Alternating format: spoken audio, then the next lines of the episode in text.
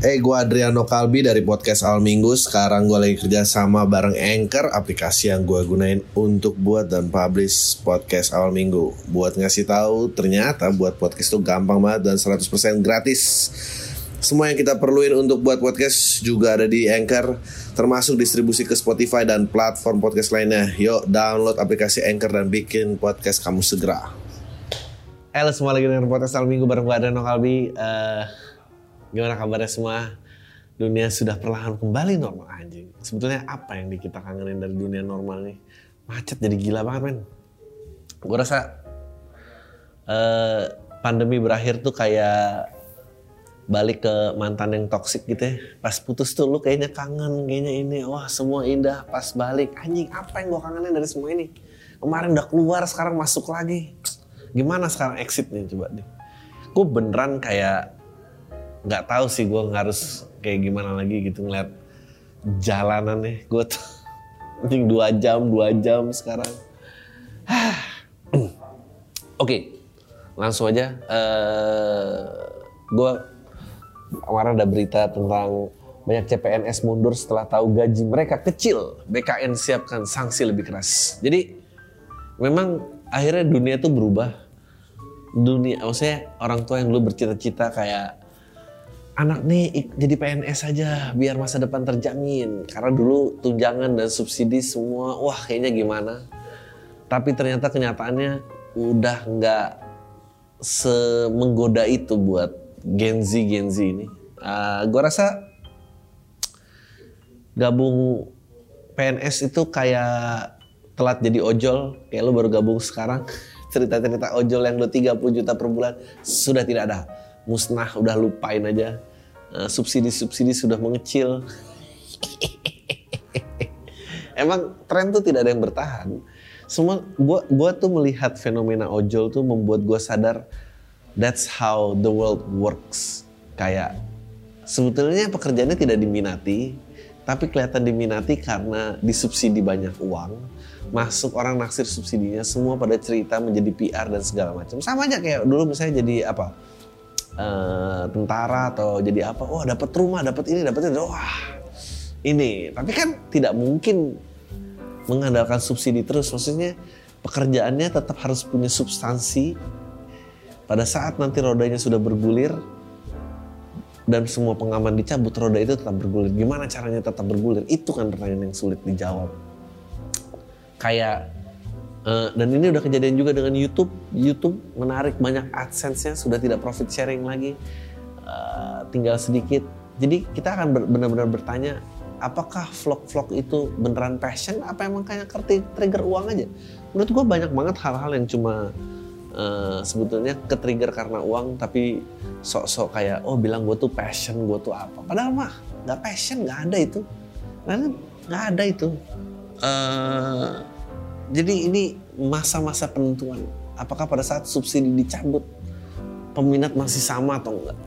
Dan TikTok menurut gue berhasil uh, meskipun tanpa belum dia belum profit sharing dia baru kayak gitu ya dia paling mulai ada approach individual artis-artis TikTok yang di planting tapi masih sedikit banget pergerakannya tapi orang jangan-jangan yang passion itu memang TikToker bukan YouTuber anjing sedih banget ya. Bahwa pada kenyataannya orang lebih passionate jadi tiktoker daripada youtuber. Youtuber mah berkedok uang-uang aja itu sih tidak ada sebetulnya. Kita lihat masih ada nggak yang mau nge-review game satu-satu kalau uangnya nggak ada? Memberikan les-les gitar terakhir gratis kalau uangnya tidak ada. Um, ya semua kan pada bilang cita-citanya ya gue pengen punya sesuatu yang connect langsung sama customer-customer gue loyalis loyalis gue ya lo kan pengen ngomong sama loyalis karena ada yang bayarin profit sharing sama lo. Gue juga mau kalau kayak begitu. Passion sesungguhnya tuh podcast awal minggu tuh passion sesungguhnya karena tidak ada uang dari awal dan selalu ya udah cuma begini-begini aja. Nah, jadi sekarang tantangannya BKN itu gimana caranya? Apakah dengan joget-joget TikTok mengundang untuk tes jadi pegawai negeri? Tapi gimana caranya? Dulu kan menjadi aparatur negara itu sebuah kebanggaan, sebuah kehormatan dan itu hilang. Uh, gua rasa profesi-profesi seperti dokter gitu uh, itu masih punya kehormatannya. Dulu pilot punya kayak gitu, sekarang pilot sejak everyone can fly dan budget airlines dan menyabu-nyabu dan udah hilang. Dulu dulu sebuah kehormatan loh flying dari orang satu titik ke tempat titik. Karena eksklusif dan prestigious tapi pada saat makin murah makin murah mungkin gaji juga sudah turun. Semua orang bisa terbang. Udah nggak ada lagi. Nah jadi gimana tuh yang nyata-nyatain data kependudukan? Apa aja sih uh, gue juga nggak tahu sih profesi aparatur negara tuh apa aja. Sebetulnya banyak tapi mungkin udah nggak menggiurkan. Terus gimana? Gimana caranya bahwa ini tuh penting untuk menjaga society kita tetap berjalan. Ini gue baca sepanjang 2021 ada 105 CPNS mundur dari kementerian atau lembaga dengan problem gaji salah satu pemicunya. BKN ingin sanksi diperberat, tak cuma blacklist dan denda puluhan juta aja. Emang boleh kayak gitu ya? Kan belum keterima, gajinya nggak gue ambil, kenapa gue jadi denda? Realitas, masa lo menjebak orang sih masuk terus nggak boleh keluar? Boleh kali keluar. BKN ingin sanksi diperberat tak cuma blacklist dan denda puluhan juta. Realitasnya gaji plus tunjangan sebagai ASN ternyata tidak lagi kompetitif di mata anak muda yang melamar, terutama jika dibandingkan dengan sektor swasta maupun wira usaha. Hal itu tergambar dari data yang dilansir Badan Kepegawaian Nasional BKN pada 26 Mei 2022. Sebanyak 105 calon pegawai negeri sipil CPNS yang sudah lolos seleksi 2021 mengundurkan diri. Gue rasa nanti nggak akan pada saat lebih banyak yang mundur, CPNS nggak ada. Jadi siapa aja yang masih mau kerja, ayolah. Emang membuat kompetisi dan pekerjaan itu diminati paling gampang memang dari uang karena kalau dari emotional benefit kan tidak mungkin dong menawari sesi-sesi curhat demi keseimbangan mental health mengadakan training-training work life balance tidak tidak akan masuk jadi gue nggak tahu pembaruan apa dan gue sangat menanti akan ada pembaruan. Karena kalau enggak nanti yang masuk sana adalah uh, orang bukan orang-orang yang terpilih lagi, orang-orang yang putus asa. Jadi dan negara dikendalikan oleh orang-orang putus asa ntar gawat pasti. Uh, Kementerian Perhubungan jadi yang terbanyak ditinggal calon pegawai mencapai 11 orang jumlah yang sebetulnya minoritas mengingat tahun lalu secara total ada 112.514 CPNS diterima oleh negara. Namun jumlah yang mundur kali ini meningkat dibanding tahun-tahun sebelumnya. Sebetulnya yang perlu diberikan sanksi menurut gue mundur boleh, tapi nggak boleh bikin konten kenapa mundur di TikTok nggak boleh. itu yang nggak boleh. Eh, karena nanti itu provokasi. Gue tuh bisa melihat banget loh semua sosial media tuh bentuknya provokasi karena ini memancing-mancing social reaction. Oke, okay, Generasi sandwich makin marak di Indonesia. Sistem pensiun perlu direformasi. Uh, sandwich itu berarti anak yang menanggung uh, orang tuanya dan anak itu harus menanggung anaknya lagi. Jadi dia kejepit di tengah. Penelitian menyebut baru 20% populasi lansia di Indonesia memiliki jaminan pensiun. Hal ini mengundang banyak anak muda bekerja punya beban ganda menafkahi orang orang tuanya. Anjir, baru 20% populasi lansia. Lansia itu ada berapa? Fenomena generasi sandwich semakin santer dipembicarakan oleh generasi milenial di Indonesia saat ini.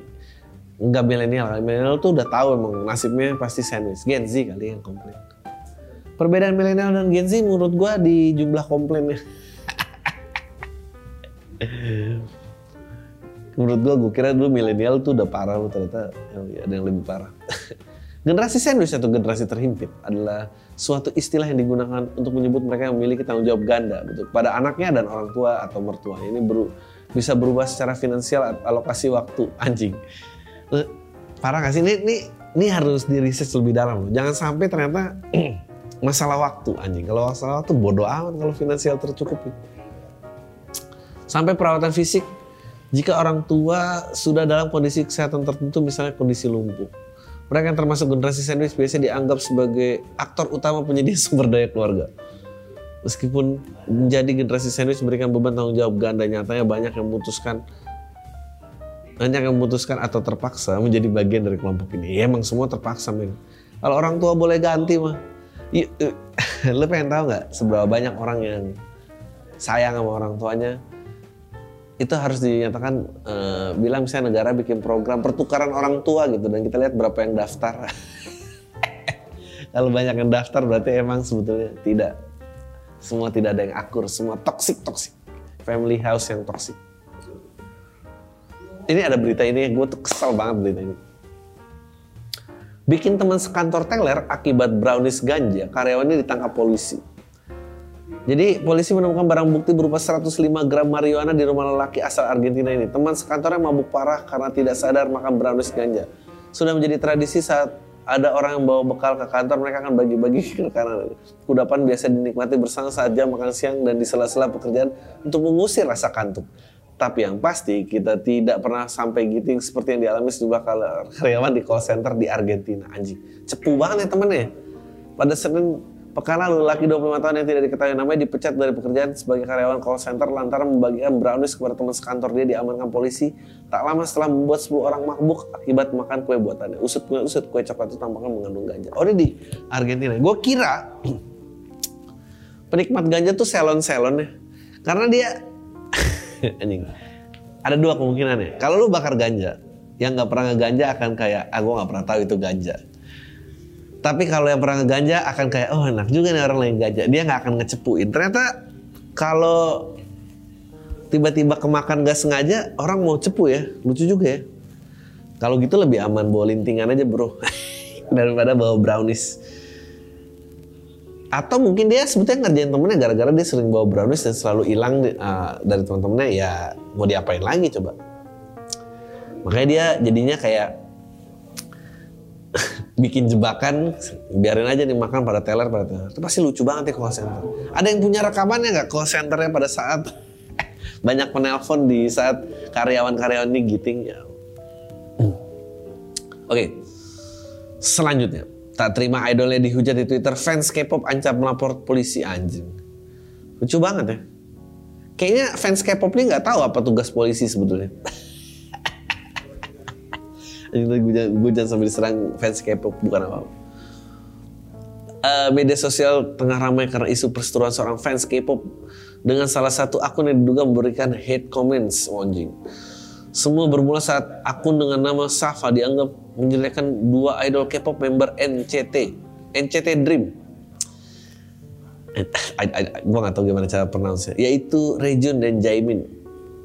Fuck. Gue tuh sekarang beneran kayak, oh dulu bapak gue gue ngomong Twitter nggak ngerti itu kayak gue sekarang nih kayak NCT Dream apaan sih gitu. Rejun Jaimin. Ya Memang para fans lainnya setuju kalau menyebarkan hate speech adalah hal yang salah satu lagi yang mereka debatkan sampai akhirnya muncul salah satu speaker dengan akun berflower yang membela idolnya hingga melontarkan ancaman ke pihak berwajib. Emang lu kenal polisi yang tahu K-pop juga ya? Itu kan panjang banget lah. Halo Pak, saya mau ngadu. Aduan apa? Ada u, ada penyebar ujaran kebencian. Oh ya, saya boleh tahu. Iya Pak ini kebencian terhadap K-pop member NCT Dream yaitu Rejun dan Jaimin anjing. Gue pengen tahu laporan polisinya kayak apa. kayak apa coba? Ngoblok. Oke. Okay. Program vaksinasi ramuan cinta abadi Korea Utara dimulai. Gokil apa nih? Program vaksinasi yang dikhususkan untuk kalangan tentara resmi dimulai oleh Korea Utara. Dilansir dari radio Free Asia, mereka menamai suntikan vaksin dengan sebutan Immortal Potion of Love, anjing gokil, alias ramuan cinta abadi dari Kim Jong Un. Gokil. Dikhususkan bagi para tentara yang bekerja dalam proyeksi konstruksi prioritas tinggi di Pyongyang ini adalah kali pertama Korea Utara memberikan vaksin dalam jumlah yang masif. Selain disebut dengan vaksin ramuan cinta abadi, ya ampun. Fungsinya apa tapi? Tetap merasa dicintai oleh presiden ya. Berapa orang menyebutnya juga sebagai vaccination of love. vaccination of love from the highest dignity, anjing. Atau vaksinasi cinta dari yang mulia, gokil. Apa, apa fungsinya? Menghilangkan menghilangkan rasa lapar kah karena susah makan di Korea Utara? Orang warga menyebut bahwa di sekitar tempat vaksin muncul kendaraan siaran dengan lantang menyuarakan kehebatan sekretaris jenderal untuk menyiapkan ramuan itu untuk mereka. Gokil. Ini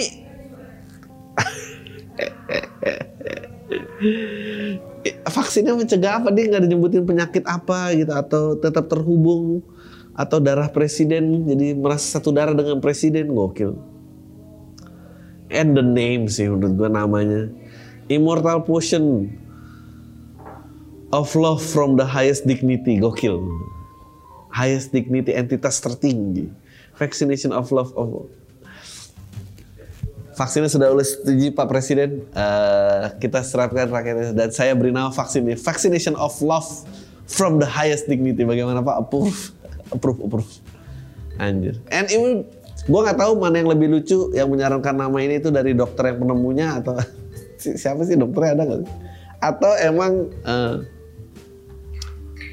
dari presidennya sendiri yang kayak vaccination the great tadinya si dokternya bilang ini the greatest vaccine uh, vaccination ever invented. Hmm. Bikin nama kok kayak gitu. Kurang lah. Oh. Tapi kan ini greatest vaccination Pak yang pernah ditemukan Pak. Dan yang menemukan adalah Korea Utara Pak. Bapak maksud. Ya kalau gitu biar lebih jelas dong. Biar orang-orang tahu saya yang menemukan. Vaksinasi cinta. Bagaimana itu? Gimana? Setuju? Setuju? Setuju Pak? Setuju, aja udah yang terakhir nggak setuju ditembak. Setuju deh, ketok palu, gokil. Disuntik kah? Enggak pak, ini diminum anjing. Tetes kayak polio. anyway, masker Indonesia bebas masker bulan Juni ini kata Menkes. Uh, udah diterapkannya untuk outdoor. Uh, gak tahu, gue gue kangen sebetulnya nggak pakai masker. Uh, gue gue malas menggunakan peduli lindungi lagi tuh nggak perlu lagi gue nggak ngerti. Uh, eh, gue pengen ngerasa kayak eh nggak pakai masker sih gue kangen. Tapi traffic sih ya ampun traffic. Traffic gue nggak tahan banget sih. Gue ketemu temu orang sih gue juga nggak tahan. Gue tuh seneng loh kemarin tuh weekend bisa jalan-jalan ke apa gitu Ka konser gue mungkin kalau ternyata konser terus gue udah nggak betah karena gue terlalu tua, gue positif lebih senang pada saat pandemi daripada sekarang. Hah, udah itu aja. Let's go for the questions. Bagaimana? Sudah berapa menit? Sudah menit? 17. Gokil 17. Oke lah 18. 40 kasih tau gue ya. Pacar diajak selingkuh teman sendiri. Gokil. Ini dia nih. Halo bang, gue cowok umur umur umur 2 apa sih? Gue udah sering dengerin. Halo bang, gue cowok umur 2 gue udah sering dengerin podcast awal minggu dari awal pandemi bang. Anjing, umur 2 apa sih? Langsung aja bang, gue punya temen nyebelin banget kalau ketemu udah yang nyeramahin. Kalau gue pacaran katanya Zinata jangan kejauhan. Anjing sih yang bener. Suka ceramahi tentang zina gitu bang ini. Tapi gue tahu tuh dia tuh sebenarnya cuma iri sama gue bang karena gue bisa having sex sama pacar gue sedangkan cewek dia nggak mau diajak having sex anjing lo ledekin gitu dong kalau dicamain tentang zina ah bilang aja karena cewek lo nggak bisa diajak gitu nah. sampai ada waktunya cewek gue tiba-tiba chat gue kalau dia dikirimi gambar Mr. P gokil sama cowok yang pakai akun fake gitu bang terus lu tahu nih P-nya siapa nah, lu sebenarnya terlalu deket sih sampai tahu bentuk orang. Lu pernah sih cewek gue pernah dikirimin dick pic gitu tapi selalu gue cuek aja. Tapi mungkin karena kenapa yang kali ini lu nggak cuek? Ada tompelnya gue uh, cuek aja mungkin karena ya cuma cowok sang yang gak jelas. Tapi kali ini nggak tahu kenapa gue pengen tahu siapa yang ngirim itu bang. Akhirnya gue suruh cewek itu pura-pura sange bang sama tuh cowok sampai dia berani nunjukin Mister B pas video call sama cewek gue bang terus gue rekam layarnya ternyata bener Bang, dia temen gue yang suka ceramah bang, anjing banget bang. Padahal gue udah sering main sama dia selama tujuh tahun bang. Akhirnya gue kasih tau cewek gue buat ninggalin tuh cowok gue berlebihan gak sih? Gak berlebihan lah. Gak, lu gak perlu ngomong ke cewek lu. Lu minta videonya, lu konfront temen lu bilang, eh anjing, lu ngapain kayak gini? Gak perlu bang. Uh, nggak sebenarnya ada dendam juga sih bang gimana menurut abang? Eh, lu pukul juga nggak apa-apa menurut gue Uh, makasih buat Bang Ardi udah baca email gue. By the way, ya Bang Ardi makin bikin gue tidur. Nggak men, lu tampol aja juga nggak apa-apa men. Lu berhak men. Lu berhak. Atau lu viralin juga, lu berhak. Lu ancam aja lu blackmail. Ah, lu kasih pacarnya. Lu kasih pacarnya. Lu kasih pacarnya. Eh lihat nih kelakuan cowok lu gitu. Oke. Okay. Insecurity seorang programmer dalam berkenalan goblok Gue salah satu pendengar lo yang tahu pam dari aji tweet Ernest di 2015 dulu walaupun sekarang udah unfollow dia. Kenapa? Gue selalu fascinated dengan cowok yang bisa kenal sama stranger gitu. Gue pun punya beberapa pendapat tentang how this thing works. Walaupun sok tahu. Intinya harus punya status yang sama atau lebih tinggi. Betul, betul. Kalau lo nggak ngerasa lebih tinggi dari perempuan itu, dia nggak akan tertarik kenal sama lo. Mungkin kali ini kenapa, mungkin kali, mungkin ini kali kenapa alasan cowok yang bukan fans basket sering pakai Air Jordan. Selain untuk nunjukin kalau mereka capable akan beli sepatu itu, ini juga secara nggak langsung menaikkan status mereka. Betul, betul, betul, betul, betul. betul. Ngebuat gua mikir ini kayaknya 11-12 sama mekanisme singa jantan lu adu-adu teriakan demi caper ke calon pasangan. Ya, benar, benar, benar. Menurut gua ini mungkin sering jadi alasan kenapa cewek SPG cenderung sering digodain simply karena cewek SPG distereotipkan dengan status rendah. Betul.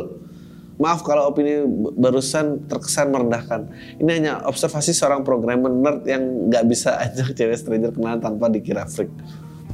Apa pendapat pandangan lu akan status ini bang? Uh, dan kalau gua mengajak stranger kenalnya kira-kira bagaimana baiknya? Uh, soalnya hasil pilihan profesi temen gue dominan cowok dan mereka jarang punya temen cewek. Alhasil susah cari kenalan cewek baru di kenalan mereka. Udah segitu aja bang. Terima kasih dan semoga sehat selalu. Uh, menurut gue besar Eh hey, gue Adriano Kalbi dari podcast Al Minggu sekarang gue lagi kerja sama bareng Anchor aplikasi yang gue gunain untuk buat dan publish podcast Al Minggu buat ngasih tahu ternyata buat podcast itu gampang banget dan 100% gratis semua yang kita perluin untuk buat podcast juga ada di Anchor, termasuk distribusi ke Spotify dan platform podcast lainnya. Yuk download aplikasi Anchor dan bikin podcast kamu segera. Uh, menurut gua observasi lo nggak salah. Uh, menurut gua that's how the game has been played for centuries. Jadi uh, ya memang begitulah gitu. Uh, kalau singa dengan auman ya kita mungkin dengan harta ya lebih gampang gitu. Penampilan lah paling nggak, paling nggak penampilan, bukan harta penampilan um, sebetulnya nggak perlu ya, nah kemarin tuh siapa yang ngomong? Pokoknya banyak lah viral di TikTok. Padahal gue kenal orang yang ngomong quote-nya adalah kalau tidak nongkrong besar mungkin jadi freak. Uh, si siapa? Ah gue lupa lagi. Mukanya gue inget tapi gue nggak ya Hasan.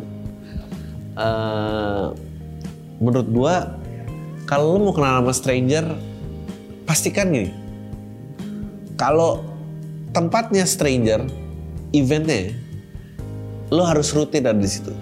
Lo harus nongkrong. Jadi misalnya lo ke bar yang lo nggak pernah ke bar Jadi lo harus rutin ke bar itu jadi pengunjung. Dan lo nggak boleh niat dengan mau kayak memangsa orang gitu dan lo akan dianggap freak. Jadi nggak bisa. Jadi lo nggak bisa berharap datang ke bar terus langsung ini. Kedua, itu kalau tempatnya asing. Pada saat lo udah reguler dan lo ngerti lu ngerti suasananya barulah uh, ya mengajak cicer orang diajak ngobrol dan lu akan hit and miss hit and miss. Lu nggak perlu ngibul lu bukan programmer ngaku aja programmer. Programmer juga uh, menurut gue profesi yang menarik di dunia permabukan uh, itu akan menjadi daya tarik tersendiri. Tapi ya lo harus biasa menerima penolakan. Uh, mungkin programmer tuh susahnya karena akal lu panjang jadi lu udah menggambarkan kayak oh gue ujungnya akan di mana. Mestinya nggak perlu kadang by chance saja gitu. Uh, sering datang sering datang sering nongkrong di situ.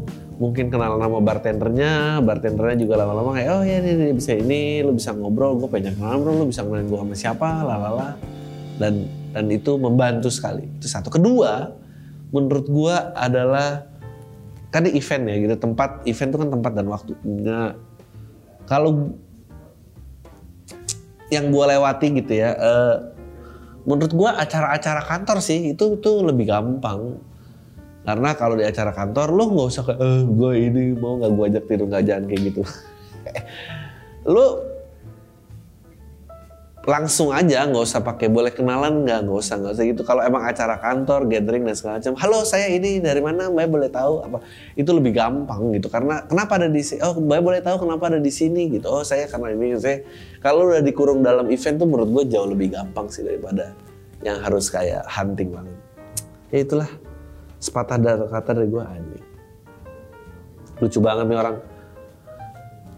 Next, ke psikolog tapi makin down. Oke. Okay. Halo Bang Adri, semoga lu selalu sehat. Ini kali kedua gue email sini Langsung aja Bang, gue cewek 24 tahun yang sekarang kerja di Jakarta. Ngekos dan tulang punggung keluarga dengan semua ekspektasi dan beban seperti anak sulung.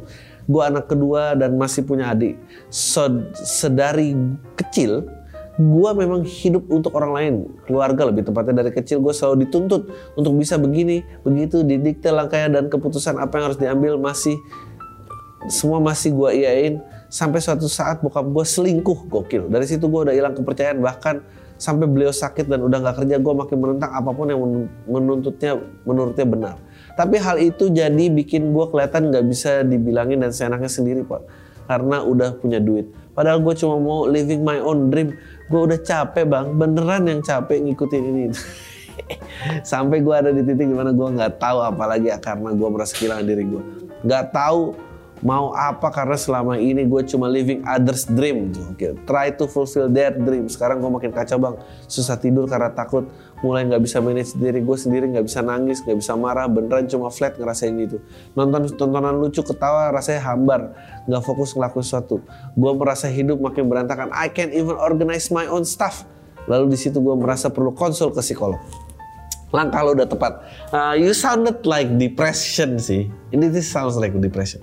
Waktu konsul gue cuma sejam, yang gue dapetin cuma teknik napas itu pun mah kalau udah gue coba dari YouTube dan hasilnya malah keinget sesuatu yang bikin gue benci ke diri sendiri karena gue udah ngerasa jahat banget menjadi gue yang sekarang gue yang membangkang nggak bisa nurutin orang tua dan ngecewain mereka oke okay.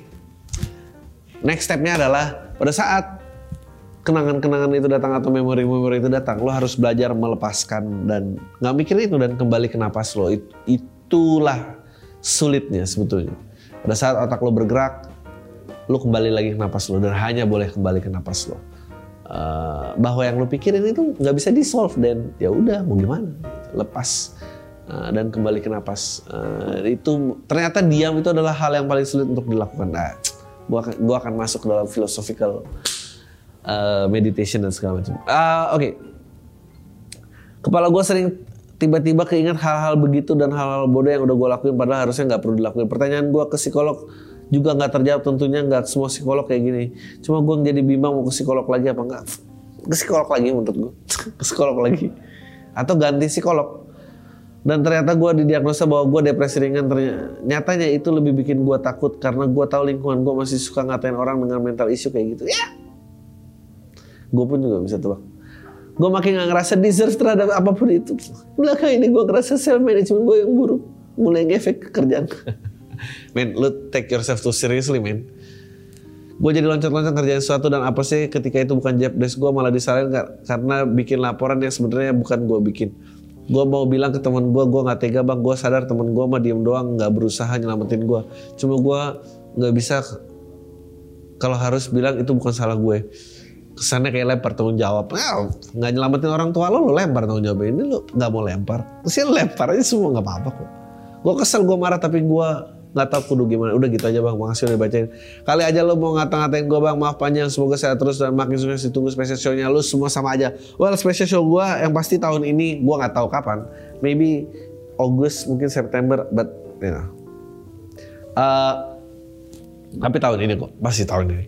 Uh, menurut gue uh, masalah orang tua lu tuh nggak bisa di solve dan itu panjang kalau bisa di solve. Jadi ya lu mulai dari diri lu aja gitu. Maksudnya uh, lu nggak salah mendiagnosa diri lu, tapi menurut gue lu tuh orang yang stres dan kalau makin stres makin banyak gerak ya. Jadi ya itu harus bisa di calm down a bit. Kalau nggak lu nggak akan capable uh, menyusun itu gitu. Uh, ya lu sandwich generation tapi ya gue kasih aja uh, itu itu nasib orang banyak so kebanyakan orang begitu kok. Uh, I don't know what happened dengan orang tua lo. Menurut gue kalau lu bisa tenang lu juga bisa bilang ke bokap lu kalau lu tuh kecewa. Tapi lu gak usah jadi emosi. Karena ngomong sama orang tua tuh yang susah adalah kita jadi ikut terbawa emosinya gitu. Padahal kita bisa menyampaikan eh gue tuh kecewa loh sama lu selingkuh. Dan lu nggak perlu kayak dia mau marah gitu ya lu mau marah silahkan aja. Jadi lu harus bisa as cold as ice. Dan lu nggak terbawa pengaruh marahan orang tua gitu. Marah orang tua bukan lagi penguasa emosi lu. Dan itu harus bisa lu potong. Caranya gimana? Ya latihan napas tadi. Oke, okay, blackmail teman pacar. Halo Bang Adri, nama saya, nggak usah disebutin. Gue pendengar lo dari angkatan COVID tapi udah dengerin semua episode PAM yang ada di Spotify. And every thought You always make me amazed. Sometimes I scared. By the way, gue juga udah beli spesial komedi dulu LPLK dan TDP di Komika. Dan gak sabar untuk yang ketiga. Langsung aja bang pertanyaan. Gue pengen rad, coba blackmail teman pacar gue soalnya ada yang rahasia dia yang gue pegang, yang dibocorin sama ah, rahasia dia yang gue pegang, yang dibocorin sama pacar gue tentang dia tentang dia yang selingkuhin pacarnya yang sekarang. Body dia mantep anjing dan cakep teman pacar gue ini pokoknya kalau lihat dia bikin horny lah. Tapi gue takut gagal malah ngancurin hubungan gue lah. Tapi gimana ya bang? Gue penasaran banget sama teman pacar gue. Ini by the way by the way gue nggak pernah tidur sama cewek lain selain pacar gue. Menurut lo harus gimana bang? Kalau solusi yang nggak bener yang penting lucu bang. Anjing lu maksudnya lu mau memblackmail teman pacar agar teman pacar lo mau tidur sama lo? Anjing gila kali lo. Soal mau gue pengen coba blackman teman pacar gue soalnya ada rahasia dia yang gue pegang yang dibocorin sama pacar gue. Kenapa? Tapi gimana caranya nggak ngerti gue. Rahasianya dia lo pegang nih. Tapi yang bocorin pacar lo. Ya pacar lo tai lah. Ya gimana sih? Menurut gue ya nggak bisa sih. Lupain aja kalau lu udah nentuin satu cewek, lu lihat temen gengnya itu udah out of option, jadi nggak mungkin juga ganti temen geng. Menurut gua ganti temen geng itu ganti temen ganti temen geng pacar. Menurut gua itu harus jadi itu harus dibikin. Oh, gua tahu. Itu harus diadu domba ceweknya. Karena cewek tuh nggak gitu peduli sama cewek lain. Lu harus cari cara gimana caranya cewek lo dan temen cewek lo itu uh, lo adu domba sampai-sampai temen cewek lo itu ingin ingin menyelamatkan lo. Betapa kasihannya lo, lo, lo, lo harus bisa playing victim sampai mereka berantem dan temen lo itu temen pacar lo itu nggak percaya lagi sama pacar lo kayak lo tega banget sih. Gua kalau jadi lo sih gue yang selamatin gitu. Lo harus bisa bikin gitu. Bisa nggak tapi? Tapi susahnya adalah lu akan kehilangan semua. Meskipun lu dapet nih temen temen temennya pacar lu ini, kalau lu dapet, lu harus serius sama dia dan lu membakar udah kesempatan lu sama pacar lu sekarang atau buat ya begitu biar dapet terus lu tinggal semua lu nggak mungkin balik lagi ke lingkungan itu nggak mungkin lu harus siap aja abis itu lu jadi public enemy berdua tapi gue rasa mengadu domba tuh cara yang works gue rasa. Mengadu domba, mengadu domba. Bisa, bisa, bisa. Lu galau-galau kayak paling keren aja anjing. Oke. Wah, ini gokil, gokil, gokil, gokil. Nyebat ketika cewek gue having sex dengan mantannya. Gokil. Halo Bang Adri, gue pendengar PAM dari salah satu kota di Jawa Timur sejak tahun 2016. Gue udah nonton spesial lo LPLK dan TDP kemarin, tapi sayangnya belum bisa nonton datang dan nonton spesial lo secara langsung. Cuma bisa beli konten di digital download. Well, it's only the next. Lo bikin spesial lagi, gue pasti datang bang. By the way, jangan sebut nama gue ya bang. Oke, langsung ke ceritanya. Kejadian ini berlatar di tahun 2017, ketika gue masih duduk di bangku kuliah di salah satu kampus di kota gue. Pada waktu itu, di pertengahan tahun 2017 gue baru jadian sama cewek gue which is dia sekarang udah jadi ex cewek gue dulu ini teman kuliah satu jurusan bang. Oke singkat waktu gue udah berjalan pacaran selama 4 bulan cuma dia masih belum move on bang dari pacarnya yang dulu pas waktu dia SMA. Kayak mereka tuh masih sering chatan lah. Tapi gue mencoba stay chill walaupun kesel juga sih bang. Soalnya kadang mantan gue ini chatan depan muka gue bang. Oke lanjut ke cerita inti. Kejadiannya mantan gue having Kenapa gue harus pakai nada itu? Kejadian mantan yang having sex dengan mantan cowoknya berlatar waktu di hari Sabtu siang di sekitaran bulan September 2017. Pas gue lagi ngapel di rumah mantan, gue buat jemput dia karena kita udah janji buat nonton film malamnya. Gue udah datang sekitar jam 3 sore, keadaan rumah emang lagi kosong karena orang tua dia lagi dinas di luar kota. Lalu setelah datang duduk di di ruang tamu nungguin dia siap-siap ganti baju baju sama makeup. Setelah nunggu 15 menitan, ada seorang cowok datang berperawakan kurus, tinggi, sawok, mateng. Tiba-tiba masuk ruang tamu nyariin mantan gue dengan membawa jaket parka hitam dengan brand TNF. Apa tuh? Dia nanya ke gue, Mas, si J ada? dengan lugas gue menjawab ada mas bentar gue panggil si J panggilan gue buat mantan gue bang oke next pas mantan gue keluar dari kamar eh dia lari dong dia terus tiba-tiba meluk si cowok yang gue nggak kenal ini. Anjing brengsek banget dalam hati gue cuma ya udahlah gue diem aja ngeliat cewek gue meluk cowok lain depan mata gue terus si J ini kenalin ini cowok ke gue terus kenalan lah kami. Dan gue baru paham ketika si cowok nyebutin namanya oh ini tuh mantannya si J batin gue. Cowok ini datang ke rumah mantan gue buat balikin jaketnya mantan gue bang yang masih ke bawah sama dia. Oke singkat cerita hal mulai nggak wajar ketika gue sama sekali nggak diajakin ngobrol sama mereka berdua. Gue bete dong. Dan gue rokok gue ketinggalan di rumah di sit di seberang rumah. Anjing. Gue bete dong. Dan rokok gue ketinggalan di rumah. Di seberang jalan rumah cewek gue gitu ada toko kelontong. Belilah gue rokok. Setelah itu gue balik ke rumah. Cewek gue yang paling skip cuma lima menit doang. Eh dikunci dari dalam bang. Fuck goblok banget sih lu nggak kenapa dong ditinggal di depan hak di depan mangsa kok ditinggal? Eh dikunci dari dalam bang. Mestinya lu eh kamu temenin aku beli rokok gitu dong. Atau eh lu beliin gua rokok dong. Gua mau ngomong sama mantan lu gitu dong goblok lu. Eh dikunci dari dalam anjing batin gue fuck ya udah gue niat mau balik aja kan kayak udah nggak bener nih cewek udah kayak tai lah di pikiran gue nggak mungkin lah dia nggak ngapa-ngapain. Benak gue langsung mengarah ke hal-hal asusila udah gue mau langsung cabut sial ya gue pas nyariin kunci motor gue di tas gue baru sadar kalau kunci motor gue ketinggal di dalam. Ya Allah. Ya udah akhirnya gue nungguin mereka di depan teras semua cewek gue ini.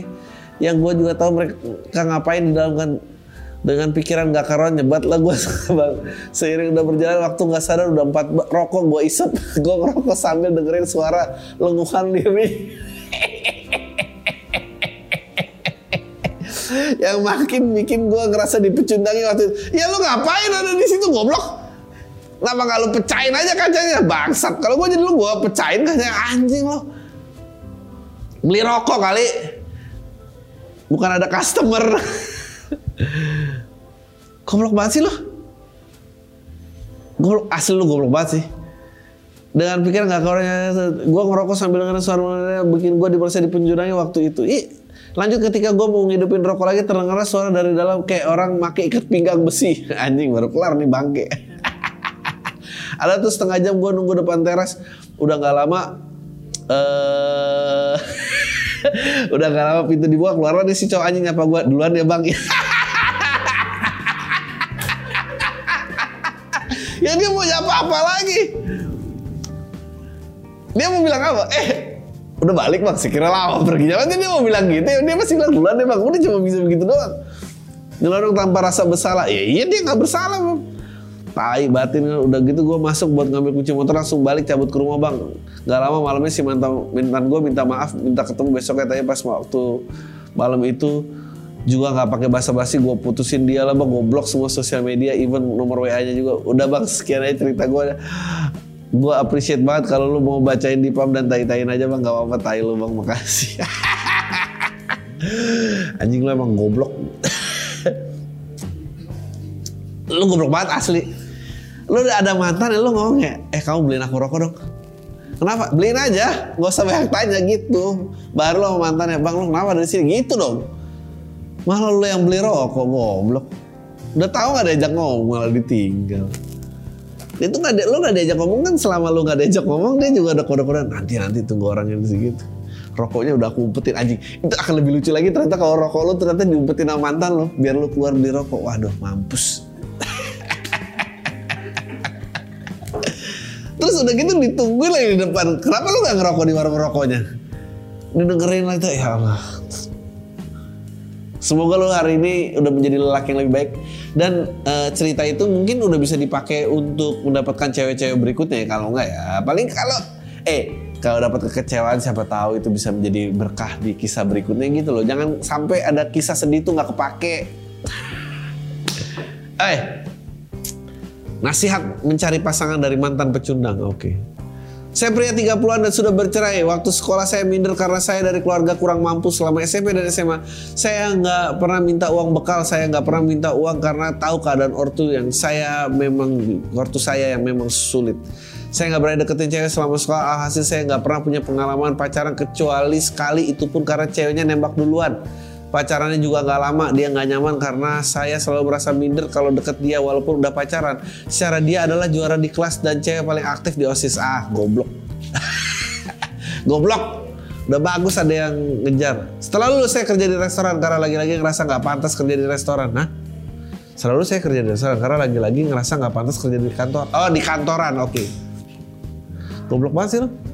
Kenapa lu menyabotase diri lu sendiri? Men, hidup tuh udah cukup keras lu nggak perlu menyabotase diri lu. Kehidupan yang akan menyabotase kehidupan lu. Jadi sebelum lu cut, life akan lakuin itu duluan, men.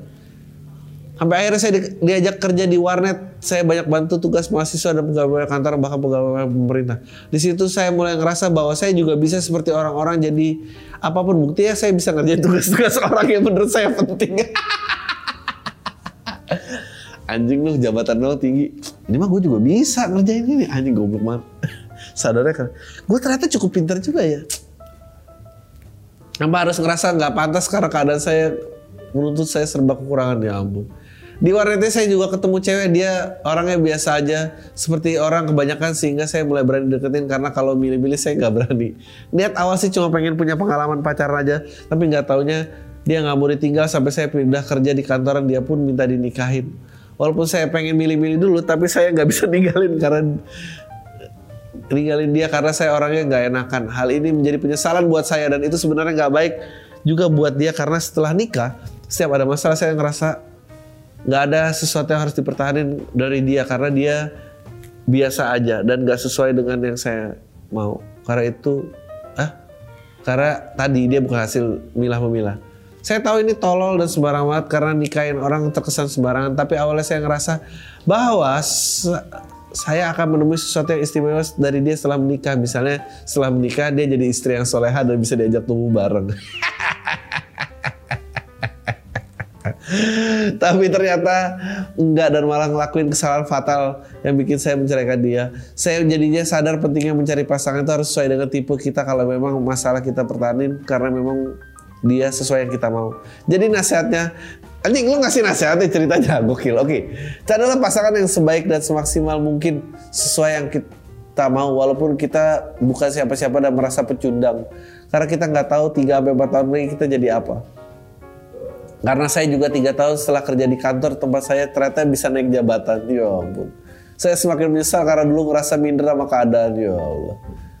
Kalau tahu bakalan jadi atasan punya banyak anak buah. Istilah kasar bisa nyuruh nyurang dan gaji gede kenapa juga dulu saya ngerasa minder? Itu aja bang. Makasih udah dibaca. Dia ampun. Ini kan lu telepon mantan lo. Dia di keadaan yang lebih baik apa enggak? Bilangin maafin saya. Dulu itu bukan salah kamu saya aja yang ngerasa minder anjir. Lu tuh sebetulnya baik ternyata hidup gua nggak lebih baik juga ya. Nggak tahu sih gua nggak tahu nasihatnya mencari pasangan dari macam pecundang ya apa ya? Nggak apa-apa bro. Hidup jalan lagi bro. Semua ngerasa itu. Ya mau apa lagi? Ya udah masih hidup kan? Jalan terus aja udah. Itu aja teh dari gua Taylor semua deh